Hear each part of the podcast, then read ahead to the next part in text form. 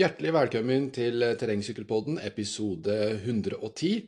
Akkurat nå så befinner vi oss på ei hytte i Lindvallen i Sælen i forbindelse med stafettvasene og Vasaloppet.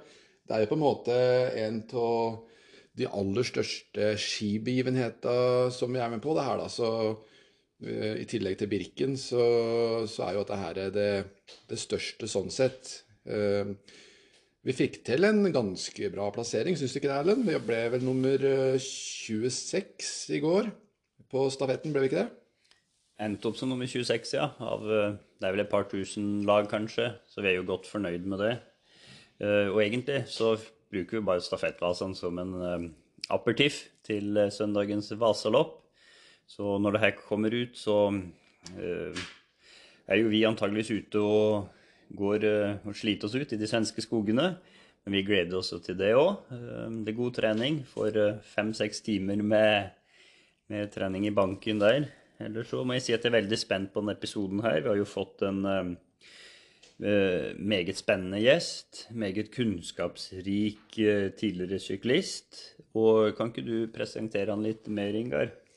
Ja, det er selveste Mats Kaggestad vi skal uh, snakke med. Uh, han er, har jo tidligere vært proffsyklist på det, det, franske laget Credit Agricole. nå klarer jeg ikke å uttale det helt riktig sikkert. men han har jo masse resultater bak seg i, i sin proffkarriere. I tillegg så er det veldig mange som kjenner han som eh, ekspertkommentator på, på eh, NRK. Er det ikke NRK han er på? På TV 2, ja. TV 2, ja. TV 2. Eh, han, er jo, han, er jo, med som ekspertkommentator på Tour de France, blant annet. Pluss en god del andre ting. Så, og, så er han nå en, en, en kjær podkaststemme i, i, sine egne podkaster. Så det er det er en uh, veldig spennende uh, gjest vi har med oss. Så uh, skal vi rett og slett gi ordet til Mats. Ja, vi kan ta og høre med han, vi. Hva, hva, han har å si om sykling og trening og, og mye annet. Han kan det meste innafor den sektoren der. Yes, da snakker vi med han.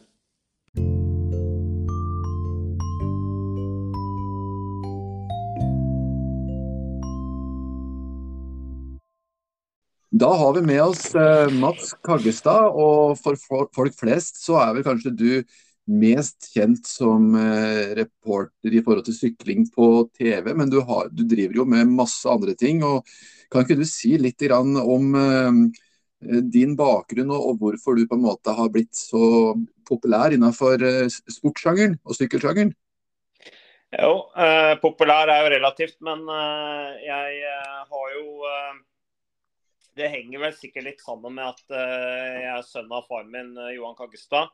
Uh, som i utgangspunktet er sånn relativt kjent idrettsnavn med alt det han har gjort for norsk idrett. Og så har jeg jo fulgt opp det sjøl med at jeg har Jeg starta jo å sykle aktivt da jeg var tolv år gammel. Og, og begynte jo Var jo ganske, var ganske tydelig fra jeg var så gammel at jeg ville Eh, at jeg ville satse hardt og drømte om å bli proffsyklist. Og, og, eh, så gikk jo veien fra Jeg var jo heldig å bli en del av miljøet på, i Ringerike syklubb, hvor det var et veldig bra miljø. Um, og, og, vi fulgte hverandre opp i seniorkarriera, flere av, av, vi som sykla sammen da allerede som tolvåringer. Så veien gikk jo til, via juniorlandslag og U23-landslag, og så ble jeg jo proff. Um, og hadde jo de eh, de fem årene i Frankrike i Cridiaricol eh, sammen med Tor Hushovd, som, eh, som, for så vidt har vært eh, ganske vært med å forme livet mitt etterpå. Det er en rød tråd egentlig til syklinga i alt det jeg har gjort siden jeg la opp etter 2007-sesongen. Ja, var det sånn at det var sykkel som var det første du begynte med helt fra barndommen av, så, så du ble på en måte valget falt helt naturlig, eller var det litt andre ting du drev med òg? Det var egentlig ganske unaturlig at jeg begynte med sykkel. fordi uh, I Vikersund, eller Modum kommune der jeg uh, kommer fra, der, der, var det ikke noe sykkelklubb overhodet. Det var ikke noe kultur for, uh, for landeveissykling. Og da jeg begynte å sykle rundt 1989-1990, så, så, var jo ikke sykkel på den høyden som det har blitt i etterkant. Uh, særlig med interessen rundt uh, Tour de France med Tor Hushovd, som, som, kom på midten, eller sånn rundt 2005 og, og oppover. Så, eller 2003 oppover. Så, så, det var rett og slett at grunnen til at jeg begynte å sykle, var fordi at jeg kom hjem en dag etter å ha vært Jeg var jo ute hele tida ute hos, uh, og, og sykla rundt på bygda for å, å være sammen med venner. Uh, hadde med meg skateboard, sto mye på skateboard, så jeg hadde det bakpå hele tida. Og så, så, kom jeg hjem en dag, og da satt min bror og min bror Martin og, og fattern og så på Tour de France. Da hadde fattern skaffa seg parabolantenne. Uh, og de slukte jo det rått. Jeg var i utgangspunktet ikke så interessert i idrett, men så ble jeg sittende og se på sammen med de, og så ble jeg veldig fascinert av det jeg så. Alle disse svære, flotte fjellene og flotte bildene og uh, disse hordene med tilskuere. Uh, rytterne som, som klatret så elegant opp og stupte ned fjellsiden. Og så tenkte jeg at det her er kul idrett. Det, har jeg lyst til å begynne med òg. Og så jeg til, spurte jeg fatter'n om, om jeg kunne få en racersykkel. Uh, og det syntes han var en veldig god idé, for han tenkte vel at det var fin trening til uh, langrennssesongen, som i utgangspunktet var det jeg drev med. og og da når jeg fikk den racersykkelen, så, så, så, ville jeg bare ut og sykle. Jeg sykla hele tida. Um, og, og, og, fikk en helt utrolig frihetsfølelse av det. Uh, ble jo veldig selvstendig òg. For at du Jeg dro jo ut og sykla fra Viksjøen og tolv år gammel og sykla helt opp Nordfjell. Mutter'n og fatter'n hadde jo ikke peiling på hvor jeg var. Uh, og, og, jeg veit ikke hvor lenge jeg var ute, men jeg var jo sikkert ute hele dagen og sleit og lærte utrolig mye om deg sjøl. Uh, og jeg syns dette var fantastisk å komme hjem og fortelle om disse her reisene jeg hadde vært på. Og, og vennene og mutter'n fatter'n de kunne jo knapt tro det. Uh, så så fatter'n skjønte jo at jeg var veldig ivrig. Og det som da skjedde etter den første sommeren med mye sykling, det var jo da at da begynte jeg å vinne langrenn òg. Så, så da, mm. for da hadde jeg plutselig fått grunntreninga. Uh, jeg hadde jo bygga meg opp mye fysisk. så det men, men, men, og, men jeg var veldig sånn langrenn ble veldig fort bare trening til, til syklinga. Uh, så, så, det var syklist jeg ville bli. Det, men, uh, men uh, når jeg tenker tilbake på den tida som gutterytter og alle de timene ute på sykkelen, så var det Det er, det er jo minner som, som virkelig har vært med å definere meg siden. Mm, ja, ikke sant. Ja, det er en fantastisk historie, da. Og det var egentlig Man kan nesten si at det var Tour de France som på en måte eh, vekte deg for alvor, kanskje? da, det, Når du var med og så på det på TV-en, og så, og så slukte du på en måte litt rått det, det, du så, og fikk skikkelig sansen for det? Ja, det, det kan du trygt si at eh, Eller helt riktig, det. At det var Tour de France som fikk meg til å begynne å sykle. Eh, så, og det er jo det som skjer. Eh, det er jo det toppidretten gjør med unge mennesker. Er jo at den inspirerer. Og, det er jo det den skal gjøre òg. Så, så, det var jo mitt store idol på den tida der. Det var, det var Greg LeMond. Eh, det var jo han som vant i 1989. Kom tilbake etter den der skyteulykka, jaktulykka hvor, hvor han holdt på å dø. Uh, og så vant han, uh, vant han på Champs-Élysées på siste etappe med ni sekunder foran Laurent Fignot. Det var jo utrolig. Og så var det 1990-utgaven hvor jeg liksom har begynt å følge litt med. med. Da var det da, var det, da sykla han i Z, uh, som laget het da. Men det var jo det laget som seinere blei eh, Crédit Agricole. Um, og der sykla jo også Atle Kålsvold. Uh, og fatteren, uh, Da var jeg blitt så interessert i sykkel at uh, fattern fikk tak i en Z-flaske da han var oppe i Trondheim. Og fikk Atle Kaasås til å signere den flaska. og det var jo, Jeg var jo så stolt av det. Og det som er morsomt, er jo at i dag så driver jeg jo firma med Atle Kaasås. Så det er noe med idretten. Den bringer folk sammen. Ja, ja det er helt utrolig altså at det noen sånn til, tilfeldigheter og sånn spiller inn. Så det er jo utrolig. Men du kjørte da som proff i fem år, var det det? Ja, jeg var proff uh, i fem år, ja. Så, så det, det, var jo nok til at jeg uh, fikk sånn, en sånn I, i det internasjonale sykkelforbundet på landet så har de jo et sånt fond. Uh, hvis du da har vært proff i mer enn fem år og passert 30 og ikke tatt i doping, så får du da en, en sånn sum da, for å liksom, når du er ferdig med syklinga, for å kunne en slags sånn pensjon da, av Det internasjonale sykkelforbundet. Så den har jeg i hvert fall fått, selv om jeg ikke ble mangemillionær av syklinga. Nei, men det skapte deg sikkert eh, minner for livet som du på en måte ikke angrer på i dag, at du tok det, de valga der. Men kan du ikke si litt om eh, hva, hva, er egentlig det, det, beste og det verste ved å være eh, proffsyklist? Eh, det er jo litt sånn eh, ettersom, holdt jeg på å si, hvilke forventninger man har. Eh, for min del så var det jo drøm å bli proffsyklist, så det var jo på en måte Det var jo eh, Ja, det var, det var helt magisk, husker jeg, eh, når jeg fikk den muligheten. Og kanskje så kan du si at det var kanskje, når jeg tenkte litt tilbake på det, kanskje var jeg ikke sulten nok. Kanskje var det, var det godt nok på en måte bare bli proff. Men, men, eh, men, det beste med det er jo å kunne leve av å, å drive med idrett, selvfølgelig. Leve av å kunne sykle. Det er det du skal gjøre. Eh, du, eh, du, får reist mye. Du, jeg bodde jo i utlandet. Eh, det var, jeg er utrolig glad for at jeg fikk den tida i utlandet hvor jeg bodde der. Jeg lærte masse av det. Traff mye, mange mennesker jeg aldri ellers ville ha møtt. Og så er, er, det selvfølgelig den nærheten til, til naturen da, som du får når du er ute og, og sykler, selv på landeveien. og driver en del terrengsykkelpodkast og, og kommer kanskje enda tettere enn det vi gjør. Men jeg har hørt alle treningsturene i de vakre omgivelsene nede i Syd-Frankrike. det det, det, er noe jeg virkelig setter pris på i dag. Og så, er det klart at det, det, jo det er jo gøy å, å, ha vært med på en del av de store sykkelrittene. Eh, eh, å være en del av det, eh, selv om det ikke kjentes ut sånn akkurat der og da. Å se tilbake på hvor fort man faktisk sykla og hvilke felt man satt i, eh, og fjellene man, man har vært opp osv. Så, videre. så så er det jo, eh, er jo det, det, noe jeg setter pris på i dag. Um, det verste med det er jo selvfølgelig at eh, det var, det var hardt.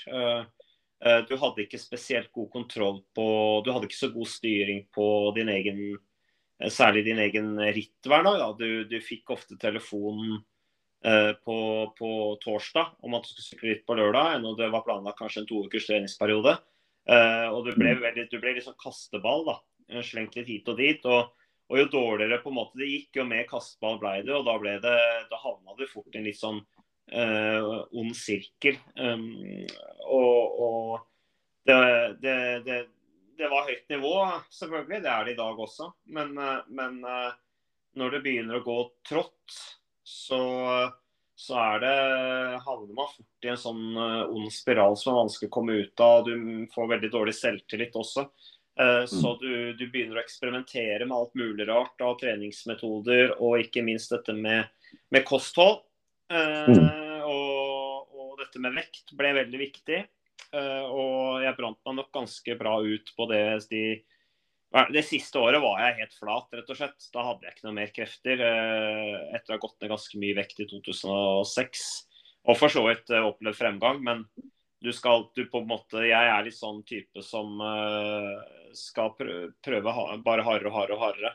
Og da er det lett at man møter veggen hvis du aldri får hvis du aldri får uh, arena hvor du får hvilt deg litt da, og slappe av litt. Uh, når jeg merka fremgang etter 2006, vi hadde ganske brukbar sesong, så jeg kjørte Spania rundt. Uh, det var, gikk veldig bra. Jeg fikk mye skryt. Laget sa at, at, vi ikke har brukt deg i tre ukers ritt før nå, det, det, angrer vi på og sånne ting. og alle hadde veldig trua på meg før 2007-sesongen. Og så slipper man ikke nok opp, da. Mm. Verken treningsmessig eller vektmessig. Uh, og da blir, da, da blir, til slutt kroppen bare helt tappa for, for krefter. Ja, sikkert både fysisk og mentalt, egentlig. Fordi man det, det, I det man på en måte mister litt av uh, troa kanskje da, på, på, det opplegget man følger, så det er en litt skummel situasjon når man på en måte må begynne å eksperimentere fordi man kanskje tenker at det man gjør kanskje ikke er bra nok, og da gjør det hardere og tyngre. Så da vil, da vil man fort bli sliten. Ja, man blir sliten. Eh, og det er jo klart at eh, det blir jo en sånn eh, Det blir jo en sånn Du havner i en sånn en, ja, skal jeg si, altså, du, du, blir veldig stressa, da. Og, og, det blir en sånn til, Du havner i en sånn stressa tilstand, og så blir det på en måte kroppen Det er grenser hvor lenge kroppen kan, kan uh, gå rundt og være så stressa uh, før den begynner å skru seg av. Da. Det er jo det som skjer. så så det, men det, når jeg ser tilbake på det, så, så ser man liksom ting fra utsida. Og så tenker man at ja, OK, jeg dro den for langt og pressa meg for hardt. og Prøvde litt for hardt, men jeg, jeg følte at det krim på strupen. og Jeg hadde veldig lyst til å lykkes. Og gjorde så godt jeg kunne. Um, og gjorde masse feil. Enkelt og greit. Ja. Så Ja, ja. det, det, det kan jeg ikke gjøre noe med nå. Så det er bare liksom å tenke Jeg ser veldig tydelig da, hva jeg gjorde feil. Um, Mm. og at man burde en, man burde, ha, man, burde ha hvilt mer. Uh, gitt seg selv rom for å hvile mer. Man burde lytta til råd fra folk som hadde erfaring, og som så at dette her dette her, eh, her må du justere, her må du ta tak. Um, Det burde man lytta til. Eh, og, og dette her er også med teknikk og sånn. Altså dette her med sittestilling. Ture å gjøre grep da, eh, for å, å, å optimalisere. Eh, det, det, det, det turte jeg ikke helt å, å gjøre. Og alle råd man fikk, det ble på en måte det ble på en måte en sånn trussel. Jeg hadde Mm. veldig, jeg hadde veldig trua på det jeg drev med. Eh, så, så det ville snart løsne, liksom. Og sånn sett så kan du jo si at det, det er litt sånn med meg, da. At, eh, at eh, jeg har veldig Altså, jeg har veldig trua på at det skal gå bra. Eh, så, så, og, og jeg er veldig sånn optimist av natur.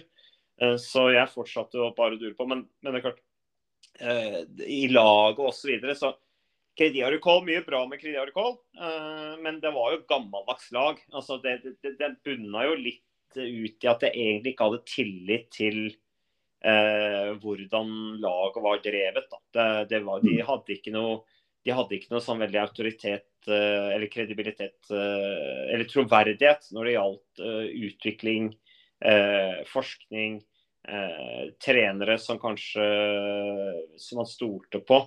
Det, det, Mm. det, handla veldig mye om det. Eh, så, så Og min far trente meg jo eh, litt på, på slutten, og sånne ting, men han, klart, han så ikke Han var ikke tett nok på meg når jeg bodde nede i Frankrike der. Um, så, så, um, så sånn sett så ble han nok kanskje litt lurt uh, på når, han bes, når jeg beskrev hvordan følelsen var. Da. Ja, Så- Han så men, det eh, kanskje ja. Nei, Han så det kanskje like mye fra, fra din side som eh, mens man kanskje heller burde ha sett det fra, litt fra utsida. da. Så sånn vel kanskje litt mer fra ditt perspektiv, muligens. Ja, han gjorde det. Eh, Så det der med far og sønn trener, det kan være bra. Det, for det er mange som lykkes med, med, med det. Og så er det, kan det være litt krevende, tror jeg. Så, så det var det, kanskje litt utfordringa mi i den rollen der var nok at jeg ikke ville slippe andre innpå. eh, Fordi Mhm. at jeg hadde så tett forhold til, eh, til fatter'n. At eh, det var på en måte Det var ikke noe, det var ikke noe alternativ Nei. eh, for meg. Uh, Fatter'n var selvfølgelig interessert og prøvde å få innspill og sånn fra andre, men, men eh, det, det var en del ting som, eh, som eh, vi burde ta tak i som, eh, som vi ikke gjorde, da. Fordi at det ble Mm. Vi havna litt i en sånn boble når det gjaldt trening og kosthold og så, og så videre. Ja, ja, man gjør jo fort det. Og, eh, men hvordan eh, ser du på den, eh, den utviklinga i dag? Og vi har jo mange fremadstormende gode syklister i Norge. og eh, det, Føler du at det kanskje er mer eh, ekspertise og forskning blant trenere som, som trener toppen i dag, enn det var på den tida de gjør? Ja, det har utvikla seg. Sykkelsporten har utvikla seg enormt, altså. Eh, eh, fra tida jeg sykla. Uh, ennå da var den jo moderne i forhold til hva den var for, noen år før der igjen òg. Men det er klart, det, høres jo sikkert litt rart ut, men det begynte jo å skje ting med, med Lance Armstrong. eh, som Han har kommet med nyvinninger, eh, ikke bare på doping, men, men på litt andre ting også. Så, det dette med watt og de tinga der. Watt per kilo. eh, Det begynte å komme da. Og så ble det på en måte tatt nye steg med, med Team Sky eh, når de kom. Eh, og jeg tror også at eh, antidopingarbeidet eller dopingskandalen også har gjort at det nå jobbes mer på detaljnivå, da, mer helhetlig enn det det kanskje har blitt gjort eh, noen ganger. rett og slett fordi at du kan ikke, Det er ikke så lett å bli god lenger. Altså, du, du, du eh, det er eh, Du kan ikke altså, Det der å, å, å dope seg til suksess, det er, ikke, det er ikke så lett i dag. Det er sikkert mulig fremdeles, men det, men det er ikke så lett som det var før, tror jeg. Eh, og, og da, klart, da stilles det tøffere krav til til, til helheten rundt på detaljnivå i forhold til det der å, å bli god. Og, og, dagens unge utøvere har jo inntrykk av at det er sånne små professorer alle sammen. Ja. Og, og, jeg tenkte liksom at til verden i dag er det tøft å være, være ung syklist med det nivået som er. og så mange som blir gode så i så tidlig alder, som er så sultne. Um, og som jobber, jobber knall. Veldig gøy. Uh, men du ser det også på sykkelfeltet med, med, med utstyret, syklene. Uh, alt, alt, det går bare så mye fortere. Uh, de, er så, de, er så, mye tynnere, rytterne nå, enn det de var før. Men Lance Armstrong var tynn, men han er jo rene he-man i forhold til hva de er i dag. Uh, og, og, og, draktene, altså de sykler jo fellesstart med tempodrakter og tempohjelmer omtrent. Uh, det er liksom sånn, det er, uh, det er helt vilt altså, i forhold til hva det var før når det gjelder med aerodynamikk og, og, vekt og utstyrsoptimalisering og, og trening og watt og Nei, så det, det er, det er en, en, en det, det, kan være en bra utvikling, og så tror jeg også det er ganske krevende. Men i bunn og grunn så tror jeg verden går fremover, at det er positivt. Ja, det tror jeg òg. Så vi har jo hatt med flere av de unge fremadstormende uh, utøvere ned i 14-15 års alder. og er, Vi har bestandig på en måte prata litt på at uh, vi nesten føler oss som de, de, unge, mens de er de voksne. For de er så vanvittig reflekterte og har så mye kunnskap, selv om de er sånn 17-18 år gamle. Ja, de er, eh, de er litt sånne nerder, og det er klart at i dag med den tilgangen som er til informasjon så lett tilgjengelig, eh, så er det Og de er smarte, de følger De er flinke til å finne informasjonskilder. Eh, og mm. finne folk som, som rundt omkring i verden. De er veldig gode på engelsk osv. Så, videre, så det er på en måte mye lettere å tilegne seg kunnskap i dag enn det var før. Og så er det klart det er noen fare ved det òg, at de kan kanskje snappe opp eh, informasjon både her og der som kanskje ikke nødvendigvis er heldig. Det er jo litt er, samtidig, jeg, jeg, tror fremdeles at det der å ha folk rundt, rundt deg som du stoler på og som kjenner deg, eh, og som eh, kan veilede deg og sette litt grenser, det tror jeg fremdeles er viktig. Men eh, mm. tilgang til informasjon gjør jo at eh, det er eh, kanskje en raskere utvikling i dag enn det det noen gang har vært. Da. Ja, ikke sant. Det, det tror jeg òg. Så hvis vi ser på eh, sykkelsporten som helhet, så, så eh, de presterer jo altså Hvis man ser på watt per kilo kroppsvekt i dag, så er jo det tilsvarende det det, det, det var når, mens det florerte en del med doping innenfor eh, sykkelsporten. og og Det må jo tyde på at de, de trener eh, vanvittig bra. da, og Forskninga som blir gjort rundt syklinga, den er jo på en måte ganske banebrytende på mange måter. Vi har jo hatt med Bent Rønnestad bl.a. som har fortalt litt om sin forskning. og Det er uh, vanvittig spennende å følge med på. Ja, uh, det er uh, forskerne og sånn som Bent Rønnestad er jo, ikke sant, de, de ser jo på utvikling som fremskritt. og det, jeg tror at man skal, man skal ha et åpent sinn i forhold til at det er hovedårsaken til at det går fortere. Så, så, så det tror jeg også. men samtidig som, som, man aldri skal, uh, man skal man skal alltid følge med på Man skal ikke beskylde ryttere for doping basert på at de sykler fort. Det, det har ikke jeg noe trua på. Men, men, man skal følge veldig med på antidopingarbeidet. At det er å sette det under doping er antidoping. Hvor bra er det? Uh, altså, hvor bra er testing i dag? Hvor, hvor mye hvor, Hvordan er testregimet? Å stille spørsmål ved det, det tror jeg er viktig. At det mm. blir fulgt opp på en skikkelig måte, er, er ganske avgjørende. Så blir, hvis du får en sånn ny ond spiral med doping på toppen av alt det andre, eh, mm. så, så blir, det, blir, det, veldig uheldig. Men, eh, men sykkelsporten har vært igjennom en skikkelig runde. og det er klart at uh, den, den, den, den, elefanten som en gang var i rommet, den har sluppet ut så til de grader. Uh, så, og Det tror jeg man har lært veldig mye av. og Der igjen også tror jeg verden går fremover. Men men, eh, men, eh, men det, er jo, eh, det, er jo, interessant å, å se, syns jeg, at en del utøvere i dag de, de kan være bra noen år, og så, og så, har de litt sånn tendens til å, å, å, slukne litt. og Det tror jeg rett og slett er fordi at det er, det er så tøft i toppen. Og du må leve såpass konsentrert at det, at, at det er nok en del som blir utbrent. Da, da har de forhåpentligvis fått med seg en del. og og gjort det bra, så det går an å gi seg. Men, men jeg tror at på det nivået som en del unge ryttere holder på med, som jeg var litt inne på i forhold til min egen, uh, egen karriere òg, at hvis du kjører veldig, uh, veldig tøft, 365 dager i året, år etter år etter år, så, så er det nok mange som, som blir veldig slitne av det òg, og til slutt slutter å, å prestere. Ja, ikke sant. For det, dette er jo som å balansere på en knivsegg. Og som regel så, så, vil man ofte litt mer enn det kroppen kanskje tåler. Og da, da, havner man fort der at det tar et par år, som du sier. Da, og at man da ser seg nødt til å, å, å gi seg. Ja, da er jo, da er jo liksom, Jeg tror på en måte den der tida hvor du hadde Rytte som vant uh, fem Tour de France. Jeg er litt sånn usikker på Pogasjar kan kanskje klare det.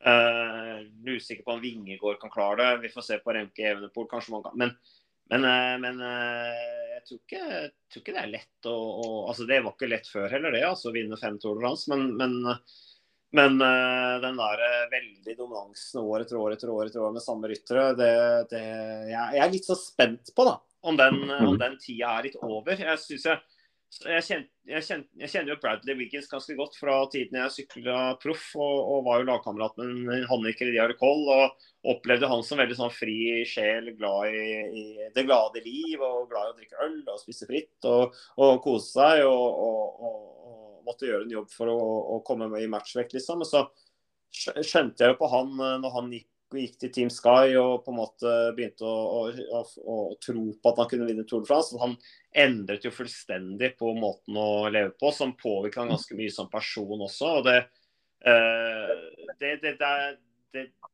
det, passet han nok ikke. Altså, jeg tror ikke han av naturs side kan leve sånn på den måten der uh, over mange år. Uh, det, det var, han vant én Tour de France, hadde sine år som gjorde, hvor han var veldig god, god, og så fikk han nok returnerte igjen til bane for å kunne liksom og, og, og, i sitt eget lag for å sykle litt mer på en litt mer avslappa måte. og Når banesykling så er ikke det krav til vekt og sånne ting som, som det er i landeveien. Så, så det, det passa nok bedre, da. Så, men, eh, men, men, selvfølgelig. Eh, Toppidrettsutøvere de, de, de, er jo ikke som andre folk. Så det er alltid en av oss som sprenger grenser og gjør det man ikke trodde skulle kunne være mulig å få til. Så um, det kan nok være at jeg må veie mine ord og si at jeg tok feil etter den samtalen her, men, eh, men det, er i hvert fall, eh, det er i hvert fall gøy å se at nivået er eh, høyt og bredden er stor og det er mange som kan, kan vinne. Det, det, er morsomt å følge med på. Ja, det er ikke noe som er morsommere enn det for vi som er glad i sykling. og og vi er jo glad i både landevei og terrengsykling, selv om vi på en måte driver en podkast som heter Terrengsykkelpodden. Men eh, har du drevet noe særlig med terrengsykling, eller har du vært på asfalten hele tida? Eh, vi har brukt terrengsykkel eh, litt uh, i trening. og Jeg husker det var uh, i Ringerike sykkelklubb. så det da på 90-tallet. Uh, Rune Høydal var, var, på topp og sånne ting. Vi ble jo litt inspirert av det, men, men det var mest landevei vi drev med. og, og jeg så ikke den gang at den overføringsverdien var veldig stor. fordi at jeg tenker, jeg sier jo til unge ryttere i dag at teknikk er jo like viktig som motor. Eh, hvis du har veldig god teknikk, så sparer du så mye krefter at det kan du nesten kompensere med eh, i forhold til de kreftene du eventuelt Eller den, den kraften du ligger bak. Da. En konkurrent, hvis konkurrenten er dårlig teknisk. Du ser på Peter Sagan og du ser på Pidcock og van de Poel altså, De er så ekstremt gode teknisk at at de, de, de, sparer veldig mye krefter i feltet. De, de manøvrerer seg veldig smidig rundt omkring. De har en veldig eksplosivitet. Eh, som de ikke, som de sannsynligvis ikke ville hatt hvis ikke de hadde drevet med, med terrengsykling eller sykkelcross. Uh, som så, Noen av de driver med alle tre grenene, og det ser vi også at de utøverne som driver med alt, da, som, som mm. har både terreng, uh, sykkelcross, landevei, de, de, blir ganske attraktive nå også. Uh, fordi at for, for sykkelsponsorene, som jo også er en viktig del av sponsoratet til sykkellaget, så er det klart at det er, gir en ekstra verdi da, det skaper en ekstra interesse rundt de utøverne. Eh, som, som har stor markedsmessig betydning, som Thomas Pidcock f.eks., som, som jo kan, kan, vinne uansett uh, gren. og Det er jo mm. helt uh, rått. Så, men jeg sier jo til unge utøvere i dag uh, start på terreng. fordi at det, det gir en, en, base både fysisk og, og, teknisk som du kommer til å ha glede av. Og, og, og, det der med overgang til landvei, den tar du kjapt. Det fikser du. Det, det, det er én sesong, så, fikser, så, har du det der i, i, i, Så sitter det i ryggraden. Så Men det, det, overgangen fra landevei til terreng tror jeg er mye verre enn fra terreng til landevei. Ja, eh, det tror jeg òg faktisk. Så Før så trodde kanskje ikke jeg det var mulig å få at det var mulig å kunne gjøre det så bra som Pidcock både på landevei og terreng, men eh, det viser, det viser, seg jo det at det er eh, mulig. Og Hvis vi ser på en av de unge utøverne vi har i Norge, da, som han Jørgen Nordhagen. Han var jo tidligere terrengsyklist og driver nå med både langrenn og, og landevei. Og har jo fått uh, skrevet proffkontrakt og hele, hele pakka. Så så der ser man uh, hva man kan få til uh, ja. med å kombinere, kombinere, flere idretter. Han er jo helt enorm, da, Jørgen Nordhagen. For det er jo ikke bare det med terrengsykkelbakken. Han vant jo Birken eh, som junior i seniorklassen også, uten at ja. det er det han, i nærheten av det største han har gjort. Men, men når han i tillegg ble topp ti i junior-VM i langrenn for bare noen uker siden i, i Canada, og mm. før han er U23-rytter allerede har signert World Tour-kontrakt. Så det er klart, da, mm. da bor det noe spesielt. Da. Det som er gøy også med de tre rytterne, som, de norske rytterne da, som er i Jumbo Visma sitt utviklingslag, eh, mm. det, er jo, eh, det, er jo, det at alle har bakgrunn fra langrenn i, i tillegg. Eh, så, ja. så det, den kombinasjonen der er også veldig bra. Eh, og, og, du har de utøverne som også har foreldre som har tydeligvis inspirert de, fulgt opp, sett, sett potensialet til, til, eh, til, eh, til barnet og, og opplagt uh, gitt de en veldig sånn lidenskap for idrett. Da. At de, de, de, når veldig langt. Så, så det, det, er jo Det, det, det syns jeg er litt artig, akkurat det, det eksempelet der, særlig med, med Jørgen Nordhagen. og det den der spesialiseringen som mange snakker om, da. Eh, den, eh, den, eh, det er jo et godt eksempel på at du kan bli ganske den, Du kan bli veldig god ved å, å, drive med litt forskjellig. Og jeg tror jeg sånn mentalt sett og fysisk sett, altså for helsas skyld, så tror jeg det er gull å ha i bunnen hvis du, skal, hvis du ser for deg en, en lang karriere som seniorutøver, kanskje til du blir over 30 år. Mm. Ja, det er noe, en del forskning som jeg har lest som, som har sett på det her med de som har spesialisert seg tidlig og bare drevet med én idrett, og, og, de som er mer allsidige. Og det som har vist seg, det er at de som har spesialisert seg tidlig, har vært veldig gode som si 16-17-18-åringer. Og så når de kommer opp på seniornivå, så er jo de som har vært, hatt en mer allsidig bakgrunn, som kanskje er de som når lengst der, da. Ja.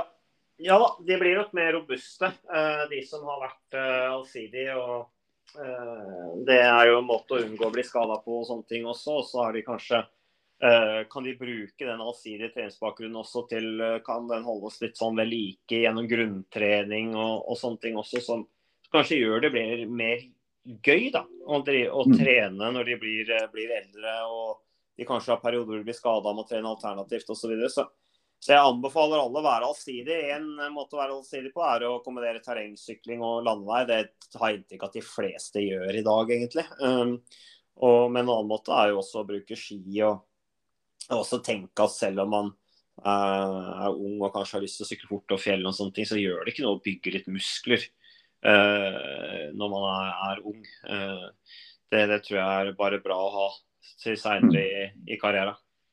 Ja, ikke sant. Ja, jeg er helt enig. Så Nå snakker jeg meg helt bort her, men eh, vi har jo med en Erlend på, på tråden her òg. Eh, eh, du har sikkert masse du lurer på du Erlend? Ja da, det stemmer det. Ehm, jeg tenkte, Dere var jo inne på han her, Jørgen Nordhagen, og jeg må jo bare si selv at det er veldig spennende å følge med på han. Men Jeg bare tenkte om hva tenker du om det her at han velger å gå til akkurat Team Jumbo Visma? Er det bra at man går til den største klubben, for å si det sånn, største teamet? Eller kunne du vært mer heldig og gått til et mindre team og kanskje blitt en av de store stjernene i det laget? da?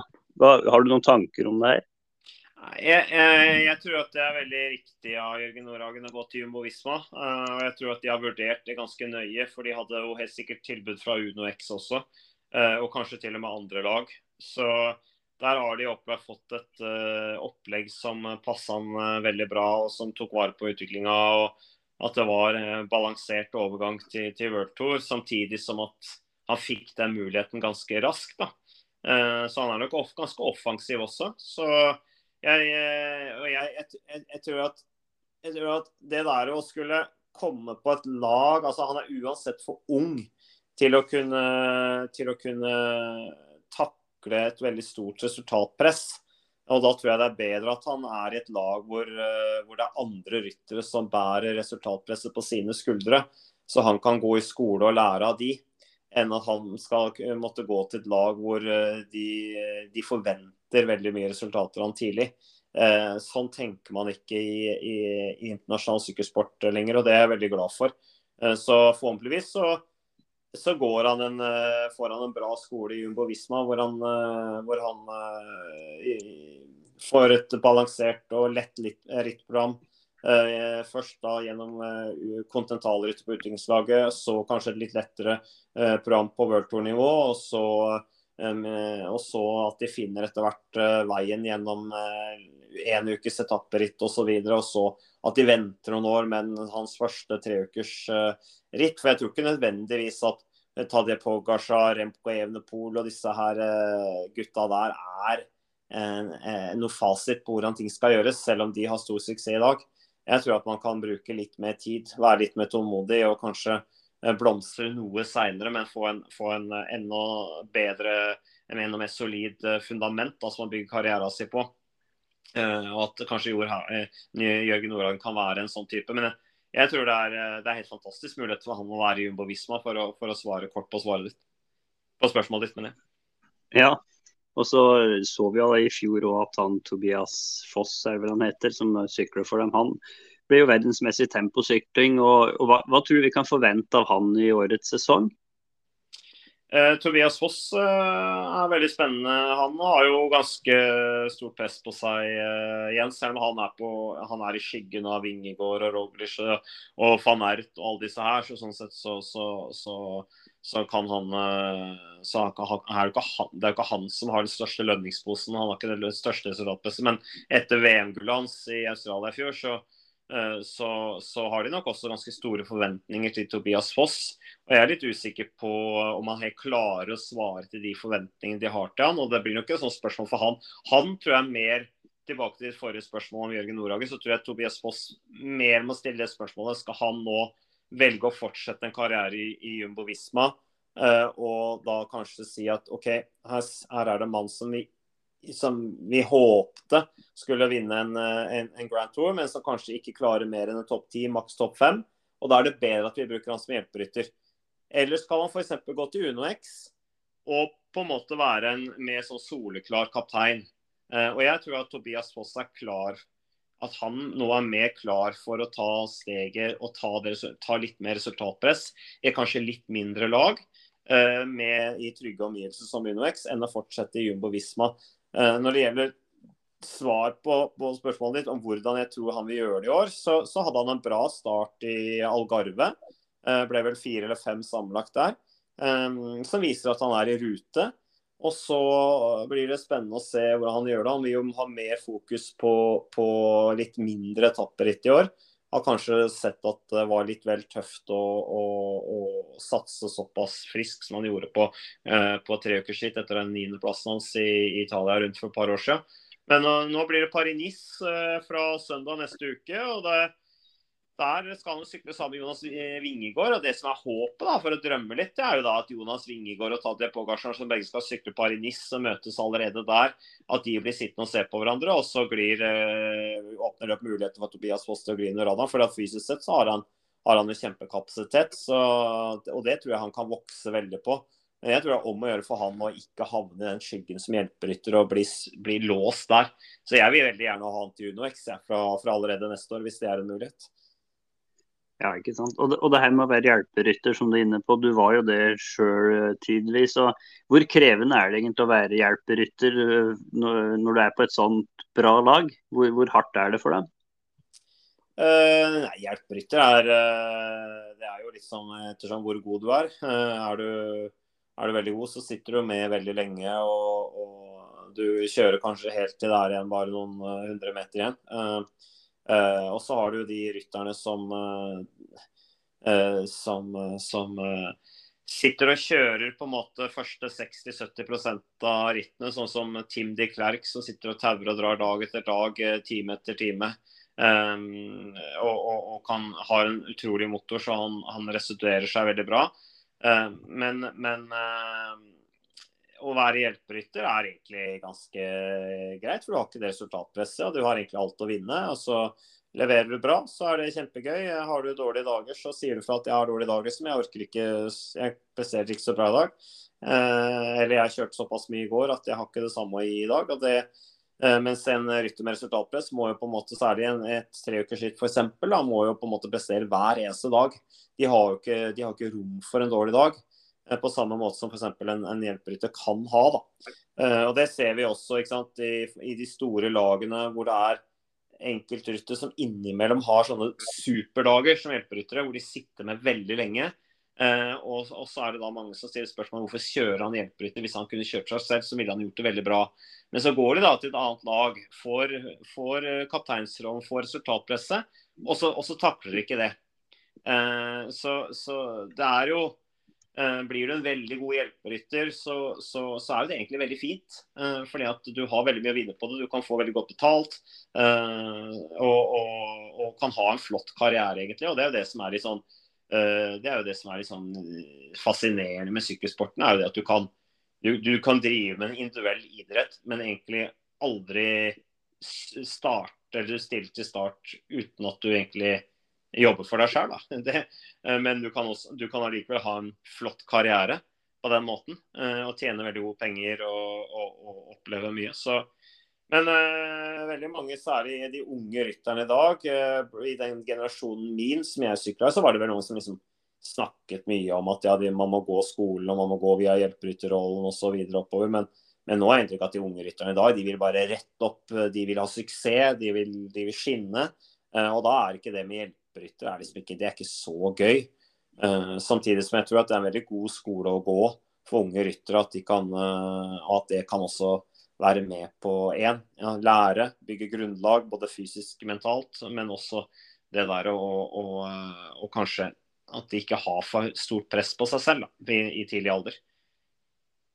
Ja, eh, vi prater jo stort sett med terrengsyklister. og og mange av dem på landslag og sånn. Og, og de si, har jo sikkert like bra kapasitet som mange av de landeveissyklistene, men det virker som de velger å, å fokusere på terrengsykling nettopp der fordi man har muligheten til å sykle for seg sjøl. Og det er, det er, på en måte den sterkeste som vinner. Det er uh, ganske fair idrett, da. Uh, bortsett fra at man starter jo kanskje litt avhengig av tidligere resultater og sånn. Men, mm. men, men, men hva hva tenker du, Jeg vet ikke hvor mye du følger terrengsykling. Har du fulgt med det siste? Det virker som det blomstrer ganske bra. Flere og flere også satser på terrengsykling. At det blir, det blir noen team faktisk òg. Noen danner sine egne team som er utenom klubber. og eh, og Hva tenker du om unge syklister hvis de står i den skvisen mellom å satse terrengsykling og landeveissykling? Er det noe de bør eh, tenke på i forhold til økonomi og, og leve av det, alt det her?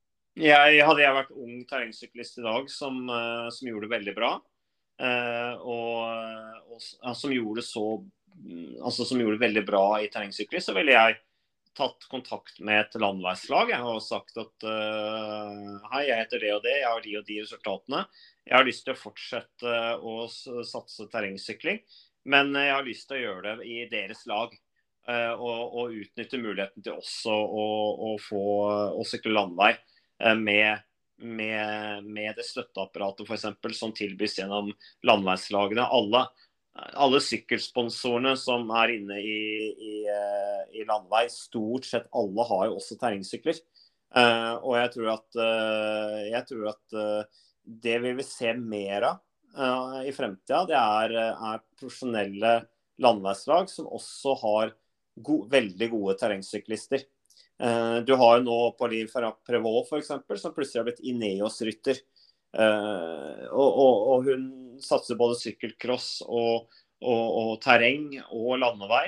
Eh, du har også Koretski i, i Bora Hanskroe, franskmannen som, som kom fra BNB Hotels. Han er jo en veldig god terrengsyklist. Uh, Thomas Pidcock har vi snakket om, Matthew von der Poel. Du har en hel, andre, en hel haug med andre eksempler også, både på dame- og herresiden. Så jeg tror at uh, vi vil etter hvert nå få stadig større deler av landeveisfeltet, eller terrengsykkelfeltet, også som representerer Landeveisproflagene faktisk. Så, så, så jeg, jeg, hadde jeg vært terrengsyklist i dag, så ville jeg sett muligheten for å kunne eh, kombinere sykle på et landeveislag, utnytte den muligheten med støtteapparat og sånne ting, men, men, men, eh, men samtidig satsa på, på, terreng. For jeg tror at eh, eh som jeg sagt, at flere landeveislag i fremtida vil, vil, åpne opp for den muligheten å, å se på det som, som et spennende samarbeid. Ja, hva, ja, jo, man har jo forskjellige muligheter nå til dags, men vi har jo fulgt litt med på trender i forhold til det her med med ritt. At det virker jo litt som uh, også interessen for uh, dem som satser, er profesjonelle. Den øker jo egentlig, også kanskje pga. UnoX og det her. Mm. Men uh, det blir færre og færre som deltar i ritt på ja. mosjonistnivå, turritt og den slags. Og det blir vanskeligere å arrangere ritt på vei, for det blir stadig byråkratiske mm. regler og den slags. Så, hva ja. tenker du da å si for det som, som folkesport, da, at, at det går i den retningen? Nei, det er, mye, det er, mye, spennende og bra og positivt som skjer med norsk landesykling, eller norsk sykkelsport. Eh, men eh, det du er inne på der, er helt krise. Og det er i ferd med å ta livet av, eh, av sykkelsporten i Norge. Det, det, det er en kjempemørk sky. Uh, nå har vi hatt, vært igjennom pandemien. Det har i utgangspunktet tatt litt knekken på frivilligheten i Norge. Interesse for å delta på idrett i Norge. Og så på toppen av det så skal også da eh, landeveissykkelsporten eh, leve med da regler som, som folk opplever som så tungvinte at de ikke orker å bidra som frivillige. Eh, det er, det er, vanskelig nok å få frivillige til å, å, bruke en hel lørdag og søndag eh, langs et, et, veikryss et eller annet sted eh, hvor det måtte være. Men om de i tillegg skal timevis med kurs eh, for, å, for å, å, å, kvalifisere seg som løypevakter, så tror jeg eh, det, er, det, er blitt, det vet vi er blitt et kjempeproblem for, for, for sykkelsporten. Og det er blitt så dyrt å arrangere sykkelløp for klubbene at det ikke er noe margin. Eh, og da, da, da, gidder man ikke å gjøre det. Og da strupes økonomien både til klubbene og til, til Sykkelforbundet. Så det ser ikke bra ut, akkurat sånn som det er nå. Eh, så man er helt prisgitt at det blir en voldsom giv eh, på toppnivå da, gjennom det som sendes i media, og som da skaper en interesse og lyst til å, å, å drive med sykkel. Litt sånn som vi var inne på med min bakgrunn, hvorfor jeg begynte å sykle osv. Så, videre. så det er det er et blandet bilde nå, altså, på, i norsk sykkelsport. Ja, og, men tror du det kan ha noen sånne konsekvenser for rekruttering? og det at, at man ikke, ja, ungdommen ikke får testa ut sykkelidretten, og at det kanskje da blir lettere å velge andre idretter. Altså, mm. Jeg vet jo sjøl, nå stiller opp i turritt eh, for første gang, hvor, hvor spennende det var. og eh, men, mens nå kanskje man lettere blir tatt av langrenn, da, hvor du har helt andre regler å forholde deg til. Eller at man begynner med terrengsykling hvor du driver i skogen og eh, Eller på rundbaner, da. Det er blitt veldig populært. da, Hvor du ikke mm. har løypevakter og sånn. Ja, og jeg tenker jo at det kan være redninga ja, for norsk landeveissykling med den situasjonen vi akkurat nå har snakka om med løypevakter osv. At terrengsykling kan faktisk bli en redning. Eh, for det spiller jo ingen rolle altså det, om, om, unge ryttere velger eh, terreng eller landevei. Kanskje snarere tvert imot er det bedre at de velger terreng fra de er veldig unge. Eh, og selv bor jeg jo i Oslo. Eh, jeg har to barn. Eh, de har racersykler, de, men jeg er ikke noe veldig keen på at de skal sykle rundt alene i området her. Det er rett og slett for mye biler, men de må gjerne ta sykkelen ut i marka og, sykle der. Så, så, men kapasiteten, teknikken, den får du gjennom terrengsykling. Så, så hadde jeg vært Sykkelforbundet nå, så hadde jeg sett OK, det går ikke riktig vei med landeveissykling, men da kjører vi på med, med terrengsykkelkaruseller og lager samarbeidet mellom klubber og regioner og i det hele tatt, og lager masse moro. For det er trygt. og Nå skal vi få eh, terrengsykling opp igjen på kartet. og Så ser vi at det er en rød tråd mellom de som blir veldig gode terrengsyklister, og også nei, gode terrengsyklister og landeveissyklister. Der er det masse muligheter. Og den troen kan vi nå, den historien som skaper en tro på det, den, den kan vi skape. Fordi at vi har ryttere som, som bl.a. Mathieu van de Poel og Thomas Pidcock og Perrault Ferrat Privat og alle disse her andre som, som, går foran som gode eksempler på det.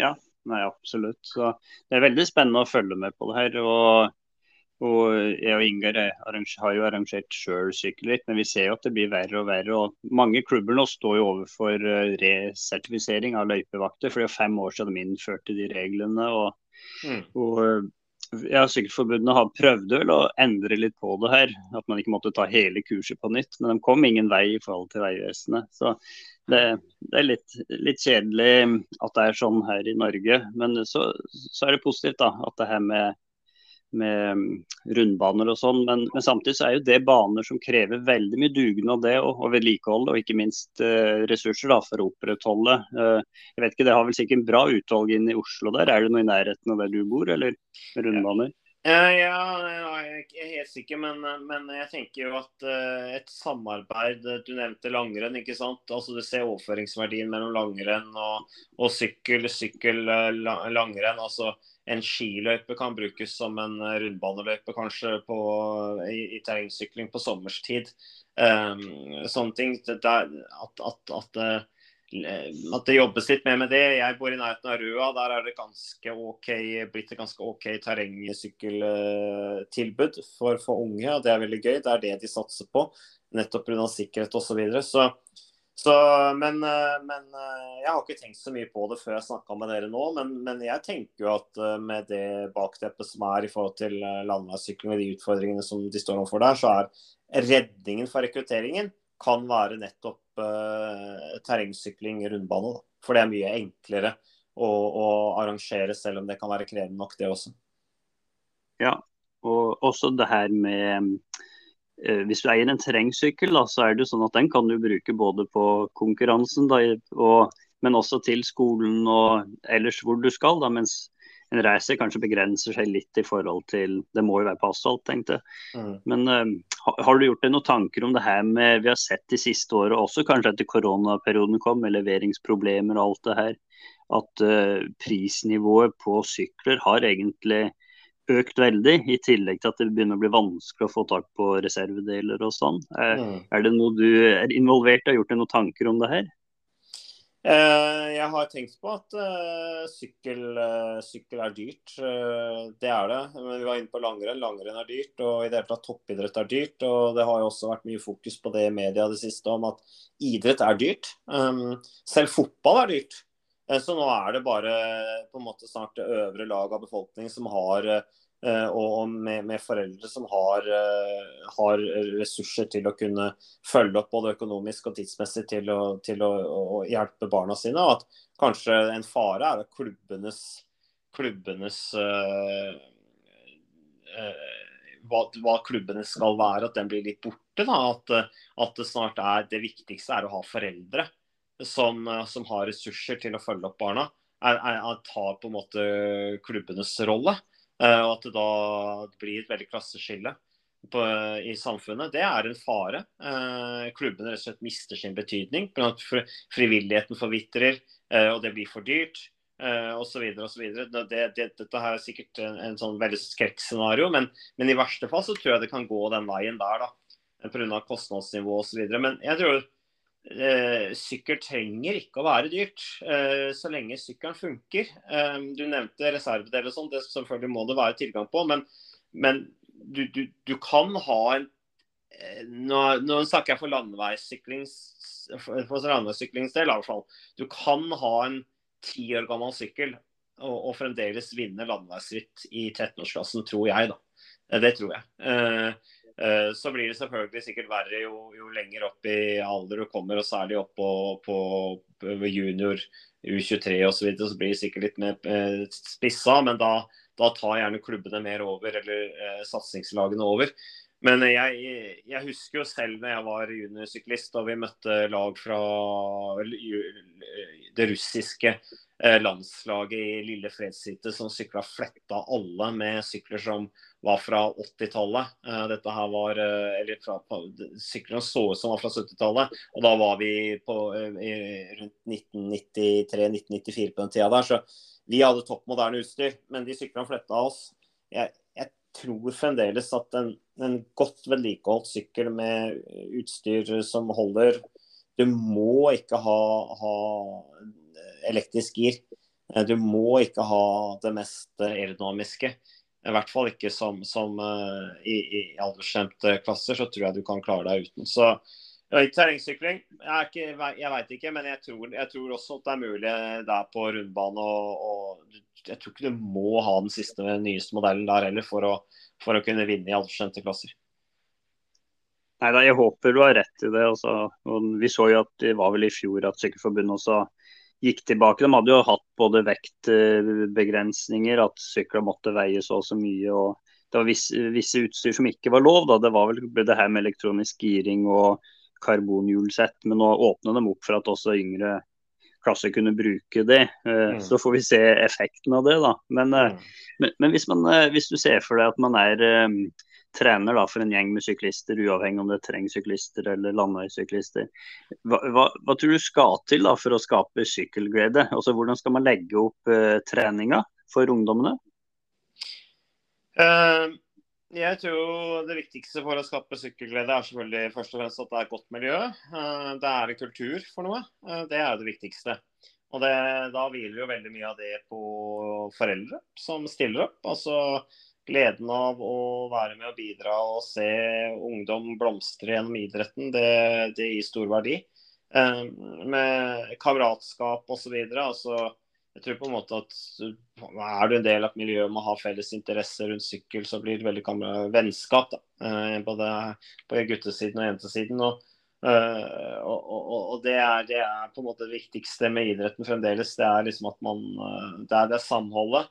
Men når det gjelder å legge opp treninga for en ung, la oss si en ungdom i dag som har begynt å satse sykkel, og som kanskje har lyst til å se hvor god man kan bli, så, så tenker jeg at uh, sykle mest uh, mulig er bra. Men det skal jo balanseres med skole og litt venner og litt andre arenaer også. Men, uh, men du, er, du, er, du, interessert og du, du liker noe, så, så, har man jo ofte også lysten til å drive. Og da er det ikke så tungt å komme seg ut og, og, og, og trene. Så, så, er du motivert, kom deg ut. Dra ut på turer, som jeg snakket om tidlig i denne innspillinga her. Alt det du opplever når du er ute på tur du føler deg fri som fuglen på en sykkel og, og, og, kan sykle hit og dit som du trodde aldri at du skulle komme uten at du ble kjørt dit med bil. Det er fantastisk med sykkel. Eh, men, eh, men jeg tror folk kan trene hver dag. Men til, til unge utøvere så sier jeg ta, legge inn en hviledag, liksom, minst i uka. og eller ha, ha en hviledag, ha et par lette økter i uka så du ikke trener så mye. Og så kan resten være Eh, langkjøring hvor du legger inn litt elementer med, med eh, litt forskjellig type eh, spurter over noen bakketopper, eller at du kjører i kupert terreng for å trene litt teknikk for, å, få bakketrening osv. Men, men ikke kjør all treninga har. Jeg har lagt merke til at i dag, dagens trening, treningsfilosofi så trener man mye mer spesifikt og legger i mye mer elementer med, med, med, med sånn spissa trening enn man gjorde før, hvor dro ut til mye større grad bare sykla. Men, men det, man bygger jo et grunnlag som ung, da. Uh, så hvis du har trent mye som ung, så tåler du ofte mer trening som, som, som, som eldre og senior uh, eliteutøver. Og, og tåler større belastning osv. Så, videre. så vi ser jo, jeg synes Det er morsomt å se disse bildene av Alfa van Ert og Mette van der Poel. når De var, de har fulgt hverandre som skygger fra de var bare guttunger. de, de har sykla ganske mye altså, fra de var, var unge. Um, så, så det, det, gjør ikke noe, det. Og har vært mye bevegelse fra det var ung. Nei, absolutt ikke. Du nevnte jo Wout van Ert. Og dem, og, hva, hva, tenker du om det? De konkurrerer jo som sagt da hele året. Er, hvor lenge kan man drive på sånn? Og makse i konkurranser hele året? Tror du det er holdbart i årevis, eller? Man ser litt uh, Man har sett tendenser både på Wafanert, men kanskje enda større grad på Mathieu van Poel at det har blitt litt mye. Uh, jeg tror du kan gjøre det, men uh, du må nok innimellom ta noen sånne sure valg, sånn som Thomas Pidcock nylig gjorde nå. At han må rett og slett prioritere. Han valgte bort sykkelcross-VM for fordi at årets store mål er klassikeren og Tour de France. Um, Mathieu van der Poel og Wout van Ert de satsa Uh, de hadde inn mot uh, eh, VM i Hogereide som det siste store mål på sykkelcross. Og valgte bort uh, helgens brosteinsåpning med, med omloppet newsblad. For at de, de, du må være veldig flink til å periodisere og legge inn disse bolkene med trening, høydetrening, hvile, ikke minst. Da. Det er utrolig intenst. Du må, du må altså, Du kan ikke dele opp sesongen i to du må dele opp kanskje sesongen i fire-fem forskjellige bolker. Ressursperioder, kanskje enda mer også. Så er det mulig å gjøre. Uh, men, uh, men det, er et, et, kunststykke. Uh, og, og, det er en sånn avveining. altså Stresset de påfører kroppen, stresset de påfører seg mentalt. Men jeg tror til en viss grad du kan bli vant med det også. og, og og at jo mer de gjør det, jo flinkere blir de på det. og Dermed så vil vi også i fremtida nå se stadig flere ryttere som som lykkes på ulike arenaer, enten det er sykkelcross, landevei eller, eller terrengsykling. Da. På, på, samme måte som det vi har sett litt uh, nå, disse her store syklistene som, uh, som jeg snakka om her nå, gjøre. Så det er spennende. Vi ser jo fotballspillere også har jo veldig lang sesong, spiller kamper hele året og sånn. så det er, det er, litt sånn uh, hverdagen for en eliteutøver. Det, det, er sånn det er. Og så kjører de bånn gass i fem-seks år, og så gir de seg og forhåpentligvis hatt suksess. Ja, så man kan leve av det for resten av livet, ja. Er, eh, mange, mange gjør jo det når man skaper seg et navn og, og, det her. Eh, men jeg tenkte på, Du sa at du var trent eh, av far din. og Han var jo bl.a. trener for Grete Waitz, Ingrid Kristiansen og sånn. og Det er jo løpere, da. Dro han noen av de prinsippene fra å trene løpere inn mot å trene deg som syklist. Var det overførbart? Kan du si litt om hvilke prinsipper han dro med seg, og hva man ikke kunne bruke? Ja, eh, fatteren eh, og den skolen som fatteren representerte, var veldig opptatt av overføringsverdiene på tvers av idretter. og Fatteren var jo også med å starte Olympiatoppen eh, i 1989 etter et veldig dårlig OL i Calgary i 1988. og Hele prinsippet til norsk toppidrett og Olympiatoppen fra fra bakgrunnen av, var jo nettopp det å lære av andre idretter og overføringsverdiene. Altså, var du best i langrenn, så var det mye av det samme som, eh, som gjaldt, som du kunne ta med deg over i løping, sykling, eh, fotball, eh, ishockey, altså hva som helst. Altså De beste var best. Da var det noe å lære, uansett. Men, eh, men akkurat når det gjelder løping, sykkel, langrenn, der er det veldig mye likt. Det er det med periodisering, det er med det intensitetsstyring.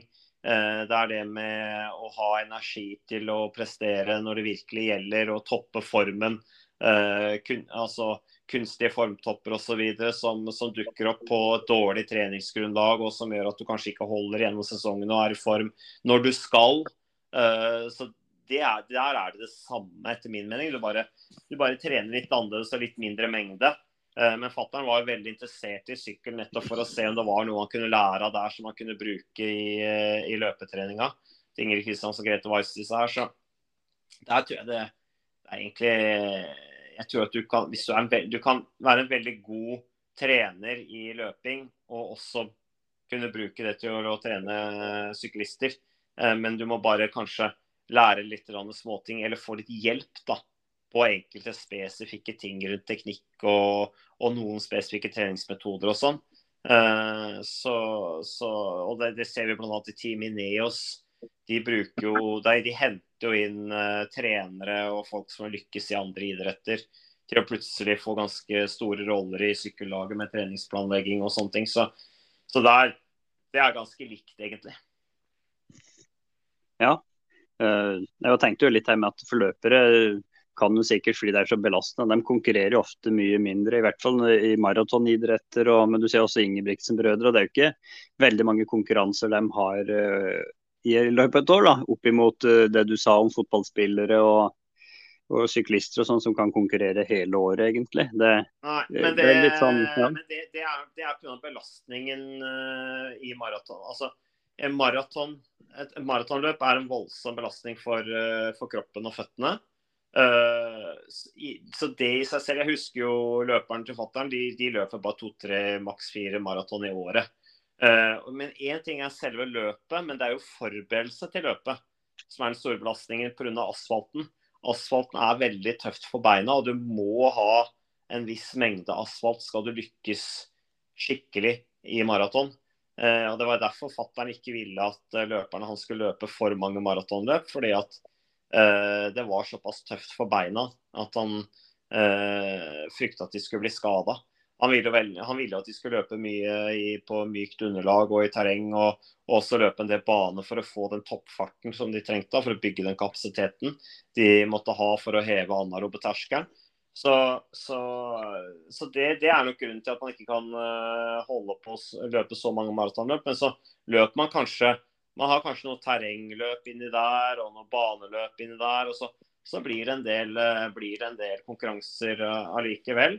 Men den, så mye konkurranse at Der har det også endra seg i sykkel. fordi at eh, I 2006 sykla jeg 93 ritt. Det var ganske mye. Men jeg ser nå i dag så er det de færreste rytterne sykler over 80 sykkelløp i året. Det var helt vanlig på tida mi. Eh, og litt før min tid igjen så var det jo helt vanlig at de sykla over 100 ritt i året. Eh, da trente de jo nesten ikke, de bare konkurrerte. Så, så nå, det, nå, trener rytterne mye mer. Eh, de trener mye bedre, de periodiserer mye bedre. Og velger rittene sine med omhu og stiller i rittene for å prestere, ikke for å bare bruke det som trening. Ja. Er det sånn at du fortsatt driver og trener litt sykling, eller har du lagt sykkelen på hylla fullstendig? Jeg trener eh, Jeg prøver å trene litt hver dag. Eller jeg mosjonerer. Jeg trener jo ikke i dag. Nå mosjonerer jeg. Eh, for jeg trener jo ikke til noe. Jeg perfeksjonerer jo ikke. Jeg bare, jeg bare eh, Nå, nå mosjonerer jeg for å svette og få pulsen og for å føle meg bra, enkelt og greit. Litt sånn uh, treningsnarkoman tror jeg at jeg er blitt. Man blir vel det når man har trent hele livet. Så uh, er det den dopamin, uh, dopamin i hjernen som gjør at du får en belønning når du har vært når du har trent. da, Som gjør at du blir roligere til sinns eh, og takler stress bedre.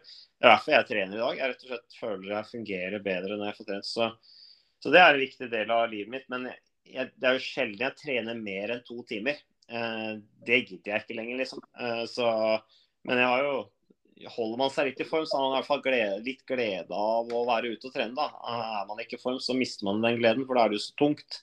Eh, og Den gleden har jeg lyst til å prøve å bevare så lenge som mulig. Mest av alt fordi at det er en investering i helsa, som igjen gir meg mye glede som jeg ellers ikke får ved at man kan være ute i skog og mark uten å dø av, av, av eh, ånde, åndenød. Nei.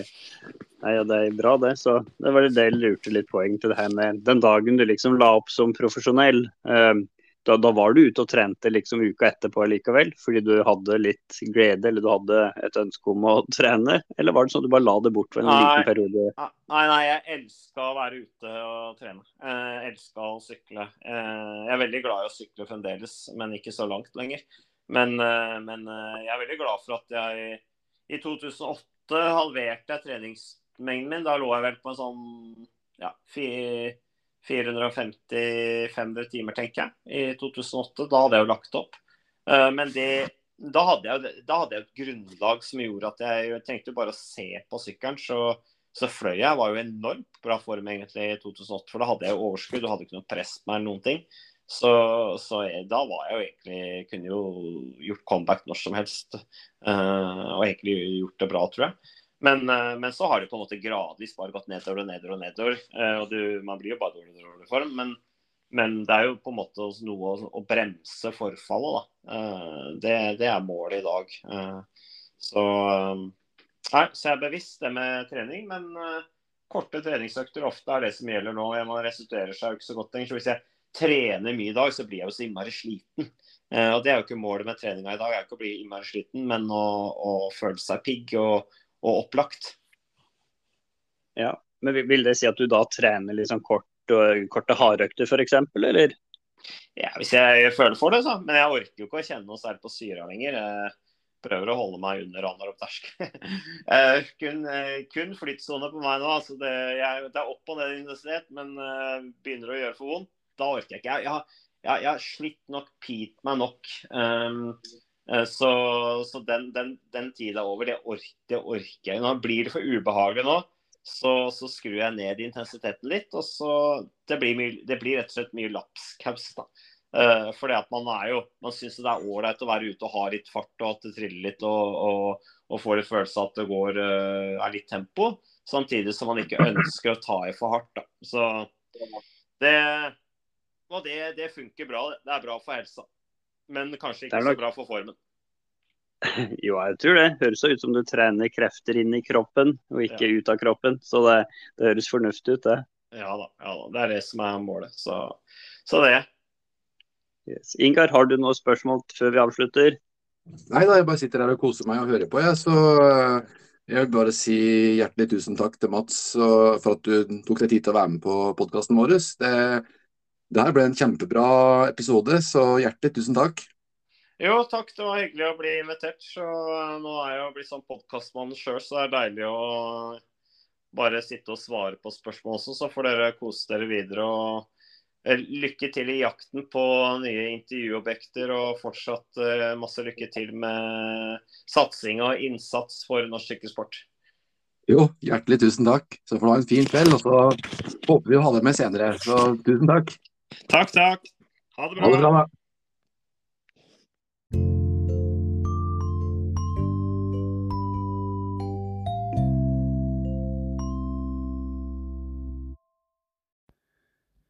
Ja, det var virkelig eh, artig å snakke med Mats, og satte virkelig stor pris på at han tok seg tida til å eh, være med oss på den eh, episoden her. Mange, mange interessante, interessante og spennende synspunkter, så det her var moro. Ja, absolutt. Jeg ser han jobber jo også som foredragsholder, og eh, virker som en person som har enormt mye kunnskap. Altså det er jo ikke måte på hva han ikke husker av navn og årstall og tider. og, mm.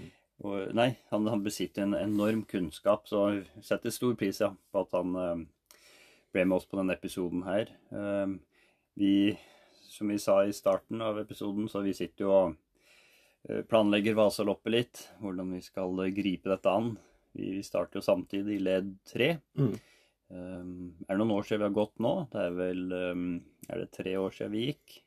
Nei, fire år siden jeg gikk, kanskje. Ja, det er noe sånt. Jeg husker da ble det jo skikkelig snøkaos. Eh, det begynte vel å snø klokka fire på natta, tror jeg, og det begynte å snø noe vanvittig. Så det som eh, skjedde sist gang vi gikk, det var jo at det ble eh, bare en sånn herre støppe, som vi kaller det på Trysil-dialekt. Altså bare en en opptrådd sti, på et vis, i, i snøen. Og, og, det var jo på en måte ikke mulig å gå forbi, så han ble jo på en måte bare gående i kø hele veien. Og da Den gang så sa jeg at jeg kom aldri til å stille i Vasaloppmer mer hvis det var spådd eh, sånn type vær.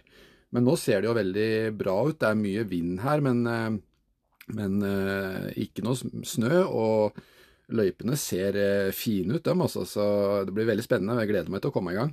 Ja, det her blir veldig gøy. Og, og når det er noen år siden um, man har gått, så glemmer man litt det som var ja, litt utfordrende. Det er jo alle vet om denne fellesstarten, at du blir stående i bakken og sånn. Det, det er en av grunnene til at jeg sjøl nesten har bare gått annethvert år. Man går det ett år, og så sier man at nei, aldri igjen. Mm. Og så får du lysten igjen. Og mm. Ja, det er jo artig at svenskene får til det her. da. Det er nesten 16 000 deltakere, tror jeg. Alt ifra Petter Northug på eliteklassa og de andre langløpsspesialistene til vanlige mosjonister.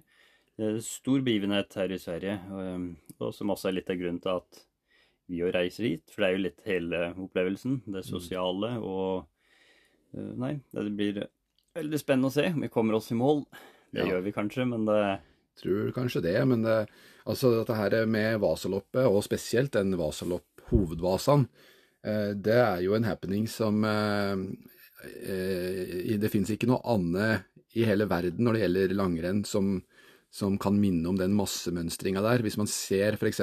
på søker på YouTube eksempel, og, og ser på, på, starten fra 2022, eh, da det ser jo helt vilt ut i forhold til antall personer, når 20, nærmere 20 000 personer står samla på en startflate, eh, og det startskuddet går, og man drar i veien. Så eh, det ser rett og slett helt eh, vilt ut. Det gjør det. Altså, det nærmeste man kommer, er vel disse store maratonløpene ute i verden, hvor du har titusenvis av deltakere, alle starter likt. Ellers så er det jo ofte puljestart og Birken, og har jo det. Fungerer jo veldig fint, det òg. Men Vasalopp har jo valgt å ta vare på det her med felles start, og at alle konkurrerer. Startklokka går likt, og man kan måle sin egen tid opp mot de beste, eller kjent og kjære. Og så har de også sånn medalje, som det heter, da, medaljetid, som er segrertid pluss 50% som mm. vi ofte har satt som et lite mål. da. Prøve mm. å Når eliten går på fire timer, så må vi være i mål før det har gått seks timer for å få mm. den medaljen, da. Så det er en, liksom, en liten kamp i, i dette løpet her. Eh, og så blir det litt spennende å se i forrige episode så hadde vi en prat med Patrick Aasrud, som har gått Vaseroppet mange ganger. Eh, han skal jo også delta, så blir det spennende å se hvordan han gjør det òg. Eh, han har i hvert fall lagt ned mye trening, så at han står distansen, det er det ingen tvil om. Eller så var det en annen kompis av oss som har brukt en helg her til å gå Vaseloppsdistansen tre ganger. Var påmeldt Nattvasan, og i forkant han Jan Christian Haugnes. Eh, I forkant av nattvasen da, så gikk han først fra Seilen til Mora, så tilbake igjen, og så gikk han nattvasen. Det blir vel 27 mil og nå. Så det, det, er mye rare påfunn. Ja, altså det er, eh, en, det er en prøvelse. Det å skulle gå vaselappet tre ganger. Eh, det er eh, mildt sagt en prestasjon uten sidestykke, nesten. Det er iallfall veldig, veldig rått. Og eh, fulgte med på sosiale medier på Janki, og så at han hadde det tungt når han hadde kommet tilbake til Sælen og skulle på en andre tre, For tredje gang skulle gå. Og eh, vi snakka litt om det her på hytta, om han kom til å klare det, fordi han skrev at det, han var veldig usikker sjøl. Eh, jeg trodde han skulle klare det, og vi var vel egentlig enige om at kan hende han hadde Altså, når han går på ski så langt som det, så vil man på en måte ha en del mentale nedturer og en del kanskje oppturer. Uh, og jeg forsto det litt på den siste meldinga på Facebook at han, hadde, han, var nok ganske langt nede i kjelleren uh, akkurat da, men likevel så har han faktisk klart å gjennomført, og på under 24 timer. Og det er eh, virkelig rått. Ellers eh, nå Hvis vi snakker nå, så sitter vi ja, her i hytta og venter på og prøver å samle litt krefter til eh, sjølve Vasaloppet. Og har du lagt opp noe løpsopplegg, eh, Erlend? Nei, det blir bare å ta det med ro. Finne en eh, Det er med jevn pacing, som landslagsløpere er så opptatt av òg. Det kan fungere for oss, det òg. Prøve å ikke ødelegge hele løpet i løpet av det første mila. Gå, mm. gå seg inn i løpet, rett og slett. Og ikke minst ta og stoppe opp og få i seg både drikke og ernæring på matstasjonene. Det begynner tidlig der, og ikke, ikke skulke unna der. Så, så, er man ganske sikker på at man kommer seg på en fin måte over til, til mora. Det er en mm. stor opplevelse når du kjører inn under dette kjente Vasaloppsoppløpet og seilet der. Det, mm. det gleder jeg meg til, så det blir veldig stas. Har du, noen, eh, har du satt deg noen målsetninger? Nei, det blir jo Det må jo bli å prøve å slå deg, da. Ja.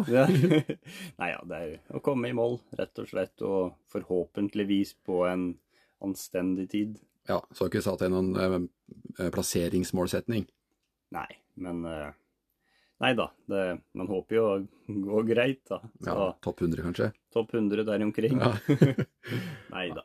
Nei, altså det Jeg tror kanskje det viktigste i morgen er bare å nyte den opplevelsen der, og være med på verdens største skifest. Så eh, det, det er iallfall sånn jeg tenker, da. Og vi som syklister, vi har kanskje en liten forse i forhold til eh, ernæring, da. At vi er muligens mer opptatt og har kanskje mer erfaring med å spise og få i seg drikke underveis enn eh, kanskje mange andre har. Hva tenker du om det?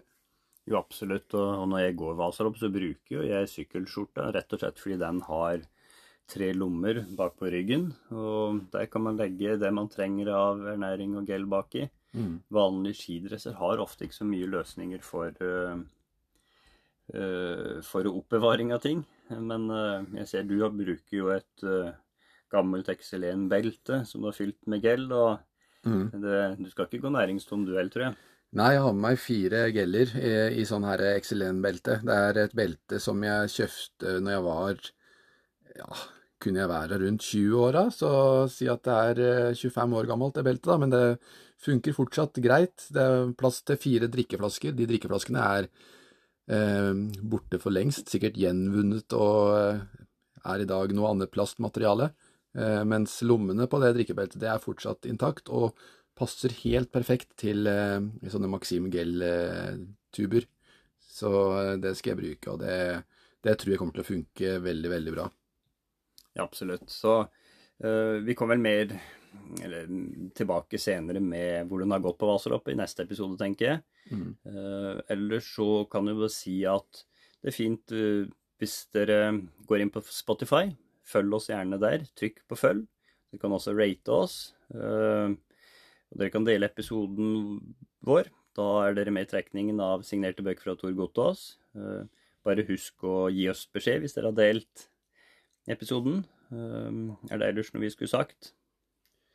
Nei, jeg tror at det er greit. Vi har fått til eh, en bra episode nå, føler jeg. Så vi kan vel egentlig bare avslutte med å ønske oss sjøl lykke til i morgen, og ønske alle sammen en riktig fin treningsuke. Og så høres vi som vanlig igjen eh, neste mandag. Ha det bra, da.